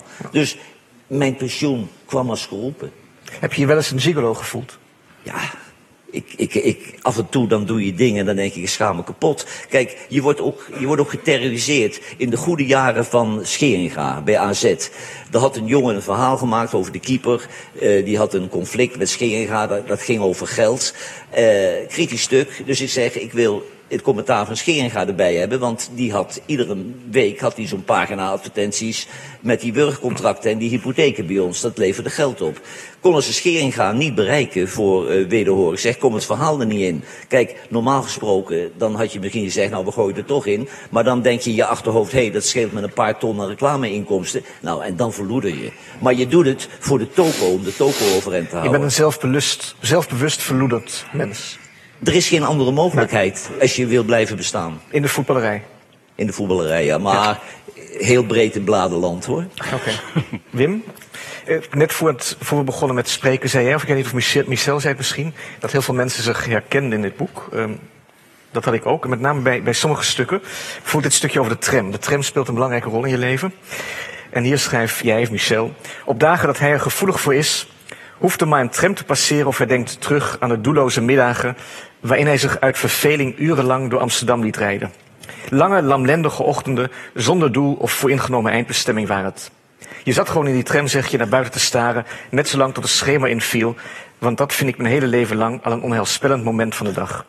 Dan ging je snel naar huis, je weer verstoppen en isoleren in je donkere hol. Dat was je leven op het einde meer niet. Triest. Maar dat, dat beeld, dat is me ook wel bijgebleven. Dat jij dat, dat maar zitten in, in die trams en wachten tot, tot, het, tot het donker wordt. En dan zeg je ook dat de schemering vond je altijd al eng. Of onheilspellend. Ja, kan ik nog wel hebben. Ja? Ja. Ik, de, de, van de week liep ik... Uh, ja, ik weet, ik weet, niet meer waar, waar liep ik. Nou, dat was heel gek. Ik, ik Waarom lacht u nou? maar uh, ik reed Amsterdam vroeg in. Ik kwam uit Utrecht. En het was pikdonker nog, het was kwart over zeven. En dan, vind ik het al een beetje onheilspellend, die stadsverlichting. Het ging ook die stadsverlichting. Ik weet niet wie dat bedacht heeft om de stadsverlichting uit te doen als het nog donker is. Maar soms iets met bezuinigingen te maken hebben we wel. Ja, het, het deprimeert mij altijd een beetje. Ik heb, heb ook heel erg dat ik uh, op momenten dat een bepaalde lichtinval is, dan associeer ik het heel snel met uh, ongelukkige dagen. Ook als je klein, toen klein was. Het is heel gek dat ik associeer het eigenlijk nooit. Uh, dat gevoel heb ik eigenlijk nooit met, met, met blijheid of zo. Ik, dat, dat staat ook in het boek, gaat ook wel met Michel. Daar ging ik s ochtends heel vroeg uh, ging, ging ik eruit. Daar ben ik helemaal neerslachtig van het, van het van licht, mm -hmm. van donkerte uiteindelijk. En dat, uh... Maar wat, wat deed je zo'n hele dag in een tram? Of hoe moet ik me, dan zit je in tram 3 of Nou, ik vind het wel iets overdreven dat ik de hele oh. dag in die tram zat. Michel, is overdreven. Dan moet je de volgende druk worden aangepast. Ja. Hoe lang zat je dan? Geef een indicatie. Hoeveel uur zat je in een tram? Drie uur, twee uur? Nou, soms wel. De, in ieder geval, dat ging gewoon heen en terug. Ja, ja. Maar dat was gewoon werkelijk omdat je... Nou ja, je, je een enorme naslag van je, van je gebruik had. En thuis eigenlijk totaal rusteloos uh, was. Het was ook een beetje een invul, opvulling van, van, van, van tijd. Eigenlijk van de, van de tijd al, omdat je wist, vandaag ga ik het doen. of zo, dan, op een gegeven moment weet je dat en is dat onontkoopbaar. Dus het was ook wel een, ja, het, het was best wel heel leeg of zo. En, en je mocht wel heel vaak gratis. Je mocht wel gaan, omdat je een kieft was? Ja, ja, vaak wel. Ja. Zij ze blijven ja, ik vroeg geen... het niet, maar zei ze nee. Ja. Nog bedankt. Uh, ja, nog bedankt. 88 of zo. Ja. Ja. ja, dan zet jij niet. Nou ja, op een gegeven moment ga je daarop rekenen. En dan valt het natuurlijk tegen als je, als je wel moet betalen. Ja. Maar en dacht je dan ergens aan in, in die tram? Of zat je gewoon een beetje naar buiten te staren? Nou ja, het is eigenlijk veel, veel, veel grappiger dat je alle schaamte gewoon voorbij bent of zo. Dat je niet eens in de gaten hebt Dat mensen misschien denken, wat raar dat hij zo vaak in, eh In die tram zit. in tram 4 zit. En dat hij tot eindhalte gaat en weer terug. Omdat je toch, ja, toch wel bekend bent of Ja. zo. Maar dan zit je gewoon helemaal totaal in je eigen, Eigen wereld. ja, in je eigen kleine wereldje. Dat zou jij nooit doen, hè, Johan? In een tram gaan zitten. Ja, maar ik ben nooit in die positie geweest waar Wim in verkeert. Maar ik, ik kan me heel goed indenken dat je dan wel redelijk wanhopig bent. Als, je, als ze mij eh, de hele dag in een tram zien zitten, hoop ik dat ze de dokter waarschuwen. Oké, dat, is, dat, is, dat weten de mensen. Ik zou, niet. ik zou niet eens weten hoe ik een kaartje zou moeten kopen voor de tram. Nee, nee, ik dacht al dat jij niet een openbaar vervoer fan was. Nee, nee, sinds je niet meer mag roken bij de NS ben ik niet meer in de trein geweest. Nee. Jouw reputatie als, als een hart en... en eh, hebben we eigenlijk al lieve dingen gehoord? Ja? Oké, goed. Ehm, Dank je. Dat is aardig. Dat schijnt al eh, vroeg te zijn begonnen bij je carrière als, als voetballer. Want een interview uit 2013, Leeuwarden Courant, daar heb ik een citaat onderstreept wat mij trof. Daar zeg je, ik heb ook eens een tegenstander in het gezicht gespuugd. Heel ordinair. De volgende ochtend moest ik bij Anne Vonding op appel komen bij hem thuis aan de Heilingerstraatweg. Hij zat in zijn werkkamer achter een groot bureau. Vondeling was, als minister en eh, vicepremier, natuurlijk een autoriteit. Hij sprak niet met stemverheffing, maar maakte wel duidelijk dat spugen niet kon. En hij zei erbij dat hij geen stap meer op het kambuurveld zou zetten als ik dat nog één keer zou doen. Dan ga je toch, een heel klein, dan ga je toch heel klein naar buiten hoor. Met een paar woorden word je echt gewassen en geschoren door zo'n man. Ik heb sindsdien nooit meer gespuugd. Ja, dat, Ja, dat- dat klopt, ja. Dat, dat was onze erevoorzitter. En in die tijd was hard spel, dat was de trend, hè. Want eh, Maar Israël... spugen hard spel? Nou, dat was ook de trend van als je... Spugen was de trend. Ja, je, je spuugt elkaar in het gezicht en, eh, en je beledigt elkaar en eh, weet je wel... Dat was die, die mentale intimidatie. Als je dan die rechtsbuiten die kwam naar je toe en dan eh, zei je, hangt je zus nog steeds de hoer uit en zo. Dat soort onzin gebeurde in het veld. En als jongen van 19 vond je dat ook reuze interessant en ging je mee in die misdragingen. Je werd verkocht naar een club waar alleen maar oudere spelers eh, waren. Dus die deed alles wat onze lieve heer verboden had. En Ja. daar ging je in mee. Maar meneer Vondeling, dat was een hele, hele correcte man, integere man. En die ontbood mij, ik zal nooit vergeten, bij hem thuis. En mevrouw Vondeling deed open en ik kon doorlopen. En die man had een gesprek en die zat echt als een soort vaderfiguur tegenover me. En eh, ja, als een kleuter ging je naar buiten. En inderdaad, dat heeft gewerkt. Want ik heb nooit meer in mijn hoofd gehaald om een tegenstander te spugen. En ik heb nog wel eens een klodder bij mijn gezicht gehad, maar die hadden geen voorzitter die dat soort mensen toespraken. Maar zo, zo heb je als, als qua jongen heb je natuurlijk ontzettend misdragen op die velden. Wij hebben ook in die jaren allemaal eh, doping geslikt, want we werden niet gecontroleerd. Aha. En, en, en de, de, de, de grootste dealer, dat was Theo Lazaroms, want die woonde in Roosendaal. En die was bevriend met allemaal van die soigneurs van Belgische wielerploegjes. Jij was ook een junk eigenlijk. Wat? Jij was ook een junk. Nou, ik was geen junk, ik deed alleen voor wedstrijden. Want alle voetballers die slikten als ze dachten dat ze er beter van gingen voetballen. Wij waren semi-profs, ik moest s'avonds na de training nog een raadsvergadering doen voor de krant. Hè. Maar eh Lazaroms die verkocht die spullen en wij dachten overal, goh, die moeten we ook hebben. Het resultaat was dat hij meer verdiende met pillen verkopen dan met voetballen. En om half drie, dan werd er overal gespeeld in het hele land. En in het hele land stonden we met zulke ogen in de kop van de pillen van Lazaroms. En we schopten op alles wat bewoog. Maar, Ja, maar ja. Frans Derks en Lau van Ravens, die hielden van mannelijk voetbal. Nou, wil ik dit even afsluiten met het feit dat het heel treurig afgelopen is. Want ik ben geen medicus. Maar van die generatie zijn Lazaroms omgevallen met een hartstilstand. Charlie Boswald en Ter Horst bij Sparta. Epi Drost, Dick van, Dijk, Nico Reinders, eh, René Notte. Die zijn allemaal, en ik wil niet het verband brengen, want dat kan ik niet bewijzen. Maar het is toch wel is toevallig ja. met hartstilstanden, want wij gooiden het maar in. En in de vijftiger jaren gebeurde het ook al, want de oude kraai die vroeger bij ons aan tafel zat, Hans senior, wie je ruzie hebt, toch? Nee, nee, nee, nee, Oh. nee, nee, nee, nee, nee, die, die, nee, die was af en toe wat boos op Wilfred. En Oh, dan, eh. Maar die, die vertelde dat bij DOS hadden ze een, eh, een clubarts en die had in de oorlog bij de Royal Air Force op een bommenwerper gezeten. En die moest dan iedere nacht naar Duitsland en die kwam terug met de bommenwerper. En toen was de paniek in Engeland, want Keulen stond er nog wel, maar Nijmegen had geen binnenstad meer. En toen kregen ze dus in die bommenwerpers ook een soort peppillen om scherp te blijven. En na de oorlog wordt hij huisarts in Utrecht en clubarts van DOS. En die verliezen een paar wedstrijden. En toen heeft die man gezegd, goh, ik heb nog een wegfles pillen van de Royal Air Force. Is, is dat wat voor jullie? In 1958, zei Hans Kruijs, is DOS kampioen van Nederland geworden. Op pillen van de Royal Air Force. En met hetzelfde, met hetzelfde elftal hebben ze nooit meer iets gewonnen. Heb ik altijd gezegd, onverantwoord van die arts. Want geef je die oude kraai zwarte koffie, heeft die schuim op zijn bek staan. Laat staan dat je pillen geeft. Dankjewel. Heb, heb jij wel eens doping gebruikt? Nee, nee, volgens mij niet. Er zijn wel vier spelers bij het Nederlands zelf al op nandrolon betrapt. hè? Nou, nou, Wat is dat precies? Ja, ik Ja. weet niet precies wat het is, maar het is een verboden middel. En de, de arts van de KNVB die had de spelers 14 dagen in Zeist gehad. En die zei toen, Frank de Boer, Davids, Jaap Stam was erbij. Die speelden bij afzonderlijke clubs.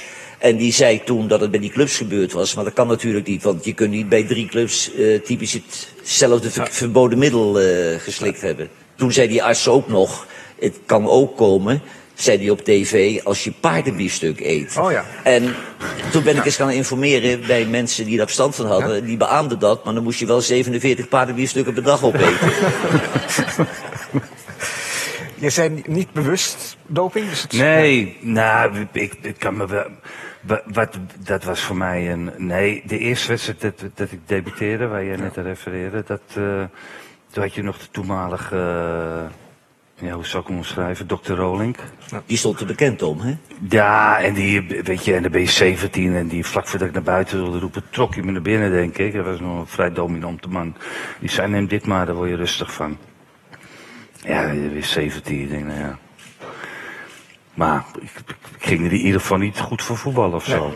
dus dat hielp niet. En, en later hadden wij, ging, toen ik naar Italië ging, toen hadden ze wel na elke wedstrijd, eh, zeg maar maandag, ja, dan ging je aan het infuus. En dan zeiden ze, dat is, eh, dat deed iedereen, dat deden al die clubs trouwens. Zeiden ze, ja, dat zijn eh, de vitamine. En, Vitamine, ja. En Nee. dan lag je met Nou, zo'n infuus. ding in je arm Ja. en dat vond je dan heel normaal. Want, eh, Want nou, ik, weet niet ja. of daar wat, eh, echt Wat wat, in zat. Nee. Maar echt bewust niet hoor. Niet Maar ik kan me niet voorstellen dat ze jou aan het infuus leggen en er niks in doen.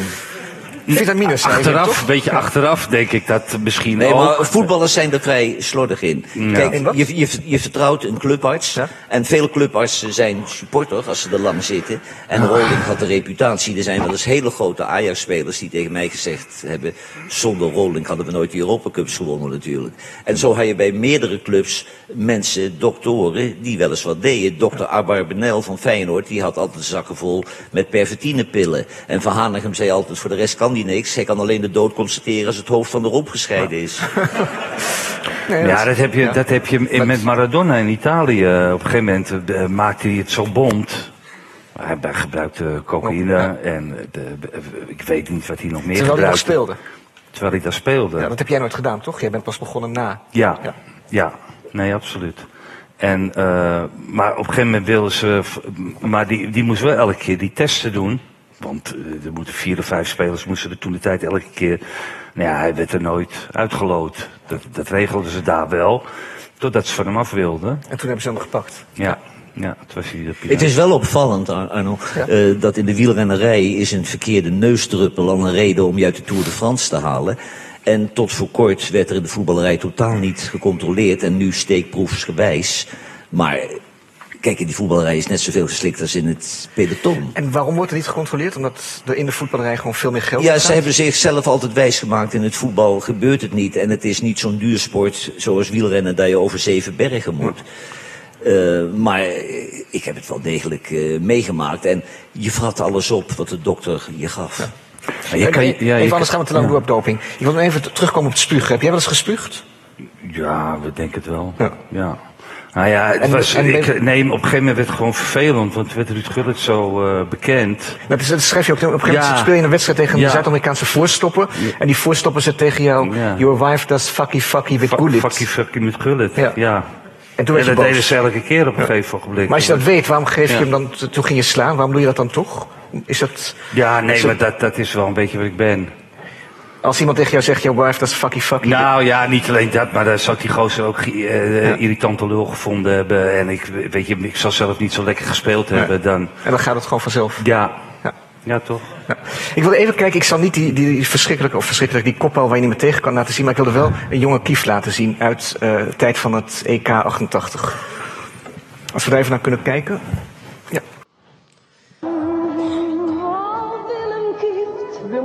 Wat we nog niet behandeld hebben was het onderwerp wat jij tegen Matthäus hebt gezegd in het veld. Want jij hebt hem ongeveer eh, ergens tegen het einde van de wedstrijd 30 seconden lang in zijn oor zitten toeteren. Nou, nee. Nee hoor, ik sta gewoon... eh, Is jouw Duits zo goed dan? Ik vind het wel zielig voor je, zei ik. Ja? En eh, ja, het spijt me.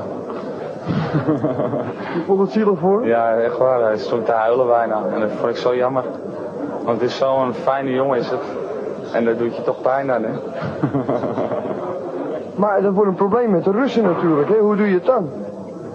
Nou, met, nou, met de Russen niet. Dat, eh, dat, die jongens die wekken geen agressie op, vind ik. Nee? En, eh, nee, dat zijn net robots. En eh, die irriteren niet, hoor. Robots niet, hè? Nee. Wat vind jij een beetje robots? Nou, ik vind het, het lijkt me niet... eh, jongens van wat je zegt, nou, daar ga ik even lekker mee, Nee? mee dollen. Niet uh, molto simpatico? Ja, dat sympathico. Nee? ja, maar dat wordt verder alleen maar handje geven en doorlopen, denk ik. Of af en toe eens een elleboog. Ja, maar ik, je hebt, ah, vaak heb je geen tijd om met die jongen, want die, die, ze gaan zo snel. Je, je hebt geen tijd om, om, om denk ik wat te zeggen tegen ze. Tegen die Russen. Nee, dat is echt onvoorstelbaar. Echt, eh, zo snel, zulke snelle mensen heb ik nooit gezien. Maar, Ja. hebben we ook weer onze jongens voor.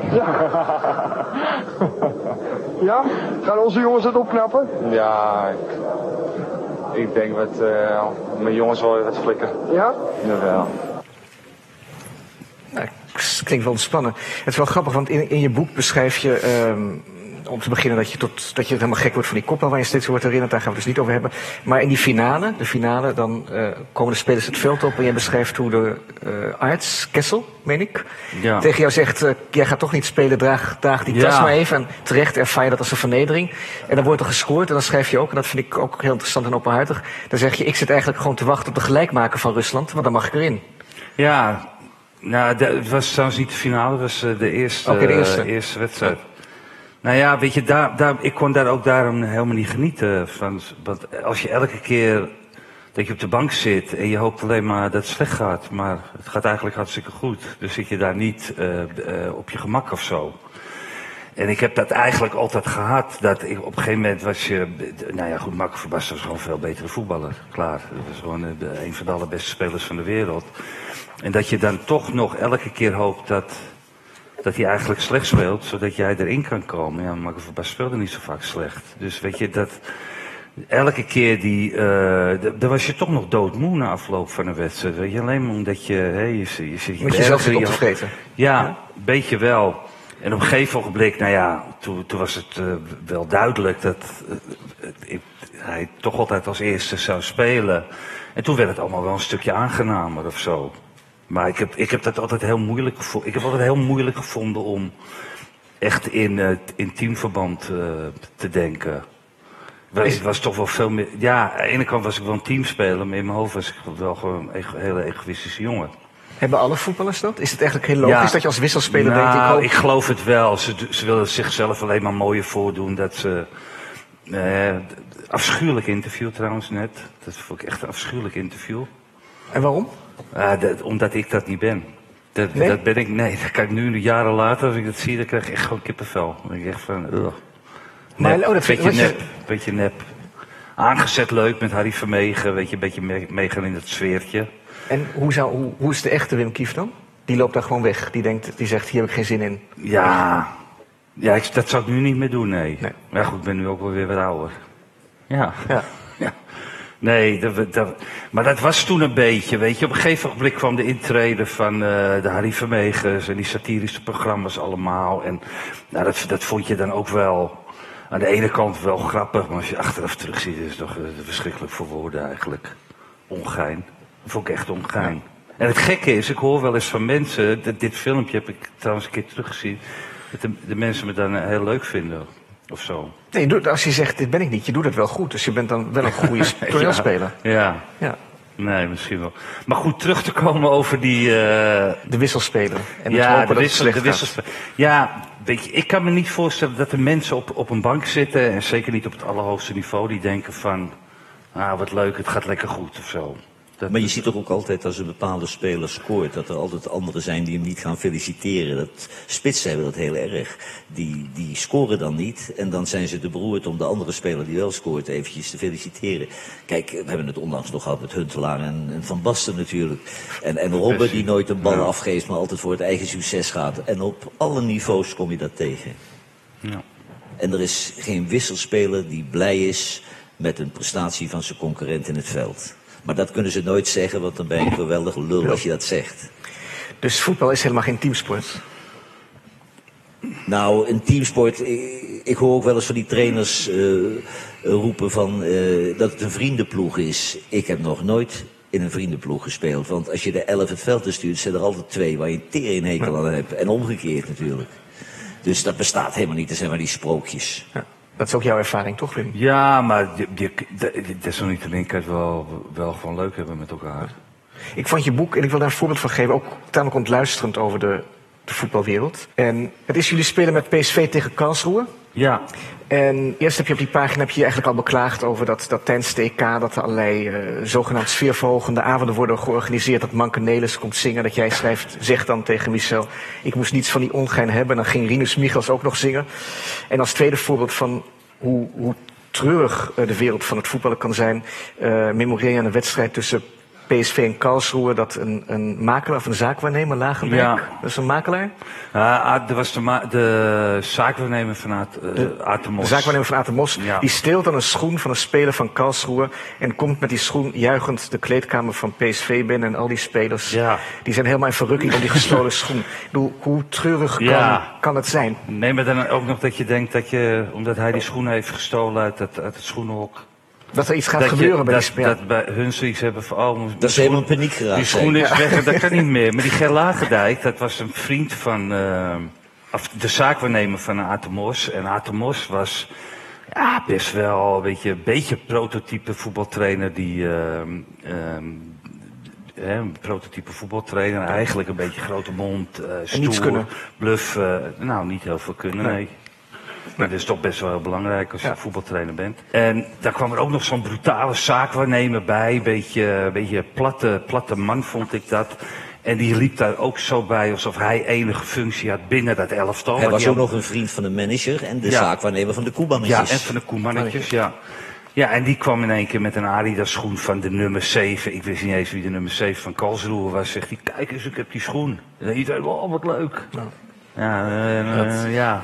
Wat dan? We verloren gewoon met 3-0. hoor. Ja. ja.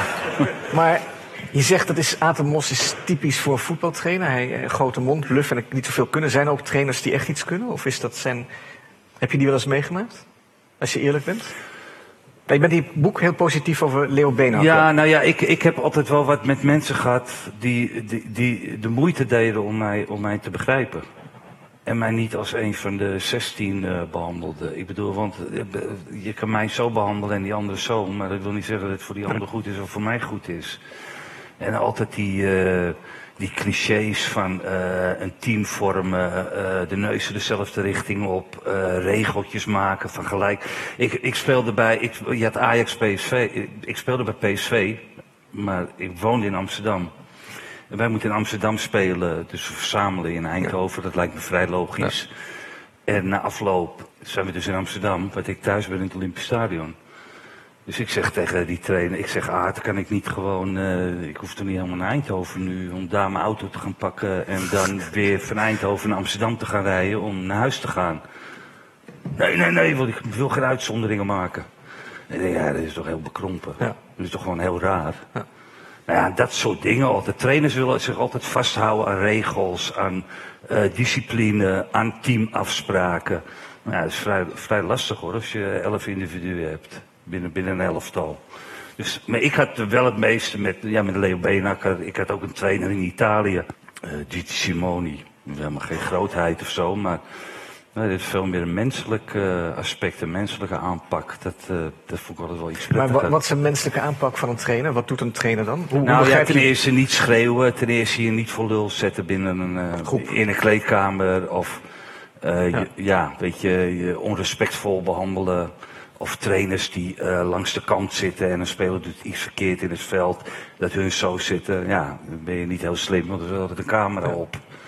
En dat, is, eh, dat, dat zijn de dingen die mij werkelijk heel erg storen. Maar, maar Beenhakker was de eerste trainer in Nederland die heel goed met mensen om kon gaan en heel goed met de ego's van sterren. Uh, dat was een man die had zelf nooit gevoetbald in het vierde van Zwart-Wit 28 in Rotterdam. Maar die uh, heeft op Sirius een diplomaatje gehaald. En die dacht, goh, ik kom heel veel tekort als trainer. Maar ik kan wel veel beter met mensen omgaan. En die jongens van Real Madrid, die aten uit zijn hand. Die man heeft ja. een prachtige carrière gehad op basis van people management. Hij was daar ver mee vooruit, voordat het eigenlijk een item werd op de trainerscursus.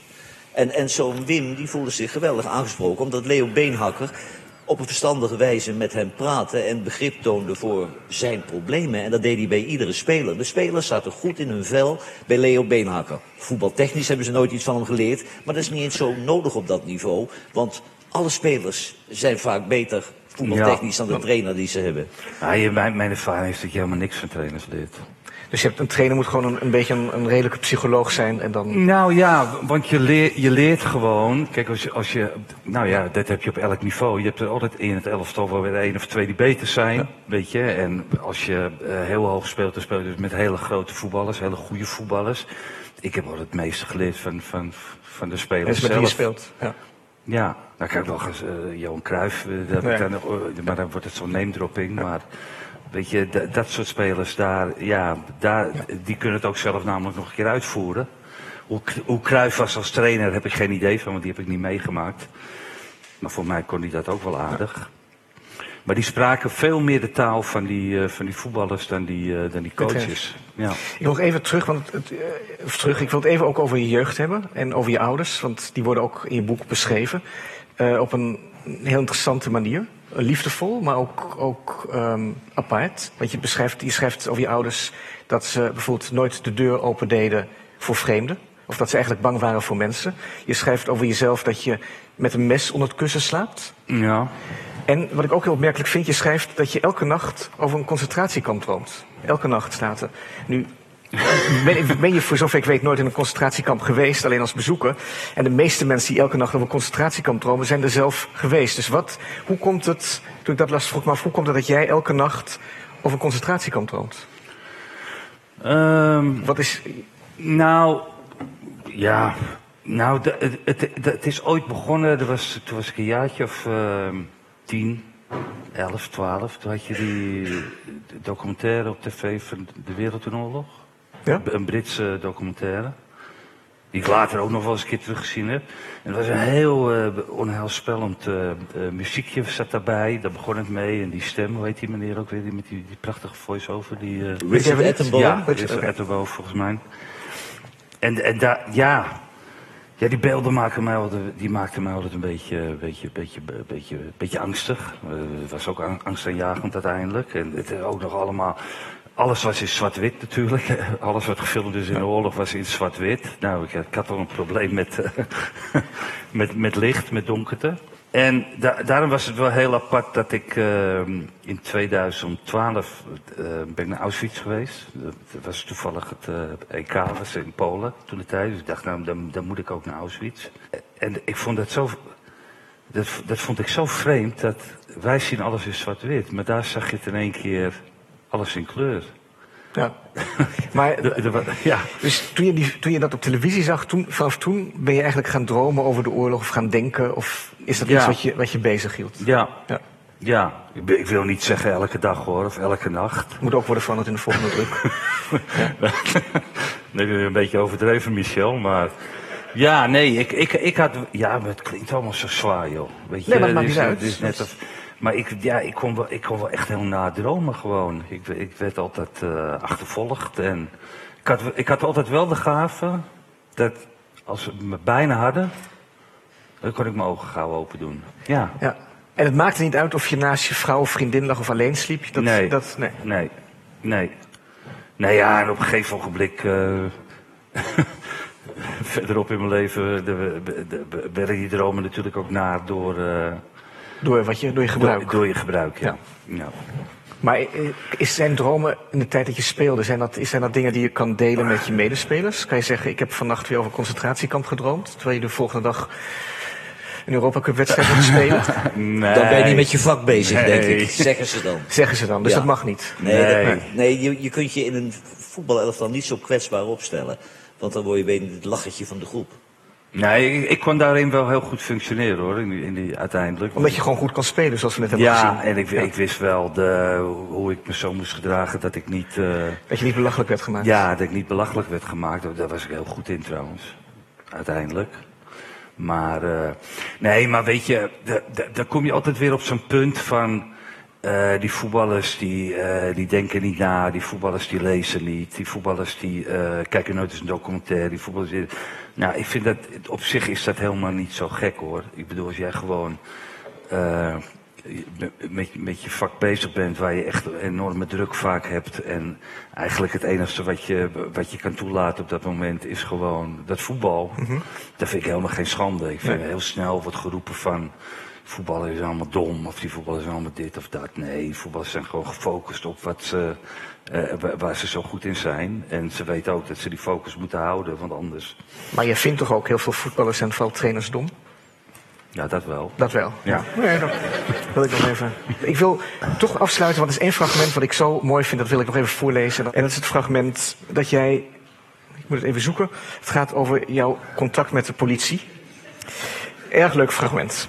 En Maar je daarna mag mag u. Johan ook wel wat vragen af en toe hoor. Wat, Heb ik jou, heb ik jou Nee, verwarrd? nee, ik vind het Nee. helemaal niet erg hoor. Want ik Nou, kan, anders ik komt kan Johan gewoon nog een keer eh, terug. uren luisteren naar Wim. Ja, ik, ik, eh, als je verwaarloost, dan gaan we straks oplossen. Maar ik wil het graag even voorlezen. Ik denk dat Johan zich er ook in kan vinden. De laatste keer dat Wim Kieft op de voorpagina van de Telegraaf stond, was in zijn tijd als verslaafde. Hij werd toen gearresteerd in een vliegtuig van de KLM. Het was na een vlucht uit Madrid, zegt Wim, samen met Suzanne. Op de luchthaven kwamen we aan het praten met een vrouw. Allemaal heel gezellig, heel leuk. Wij gaan aan boord en ik zit nog niet op een stoel of er komt zo'n gladde purser naar me toe. Goh, meneer Kieft, we vinden het zo'n eer dat u met ons mee naar Amsterdam vliegt. We willen u en uw vrouw graag upgraden naar de business class. Dat vond ik geen slecht idee, hoewel ik nog steeds niet van vliegen hield. Daarom had ik ook een fles Spaanse liqueur bij me, waar ik af en toe stiekem een grote slok van nam. Een paar rijen voor ons zat die vrouw. Op een gegeven moment gaat Suzanne plassen. Hoor ik dat wijf tegen een paar van die zakenmannetjes zeggen... Ja, dat is inderdaad de vrouw van die voetballer. Ik heb er net even met hem gesproken, maar je weet wat ze zeggen hè, over die voetballers. Dat zijn niet de slimste. Godverdomme, dacht ik. Ik werd echt heel kwaad. Ben ik opgestaan en naar dat wijf gelopen. Vuile hoer, schreeuwde ik door die business class. Gelijk die purser bij. Meneer Kieft, als u zich niet kunt gedragen, gaat u maar terug naar economy. Die heb ik ook uitgescholden. Op dat moment komt een vriendin terug van het toilet. Die ziet mij dronken ruzie maken met het halve cabinepersoneel en begint gelijk tegen mij te schreeuwen. Toen werd ik helemaal razend. Heb ik mijn tas gepakt en ben demonstratief op rij 7 in de eco- economy gaan zitten. Word ik vanuit de stoel achter me aangetikt door een dikke, kale vent.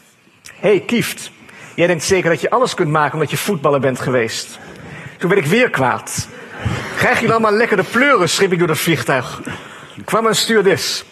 Als ik me niet rustig zou houden, gingen, gingen ze een tussenlanding maken om mij eruit te zetten. Of ze lieten hem op Schiphol arresteren. Je doet maar, heb ik toen gezegd. En ik heb haar, uitgescho- heb ik, en ik heb haar uitgescholden, dat ook. Toen ik aankwam was ik redelijk gekalmeerd. Ik ging als een van de eerste uit het vliegtuig. Waar Suzanne was, wist ik niet. In een slurf stonden twee agenten. U bent meneer Kieft, vroegen ze. Ja, ik ben meneer Kieft. Ja, hoezo? Ze pakte gelijk mijn arm en zei dat ik was gearresteerd. Ik rukte me los. Toen gooiden ze me op de grond en gingen met z'n tweeën op me zitten. Tot zover. Ja.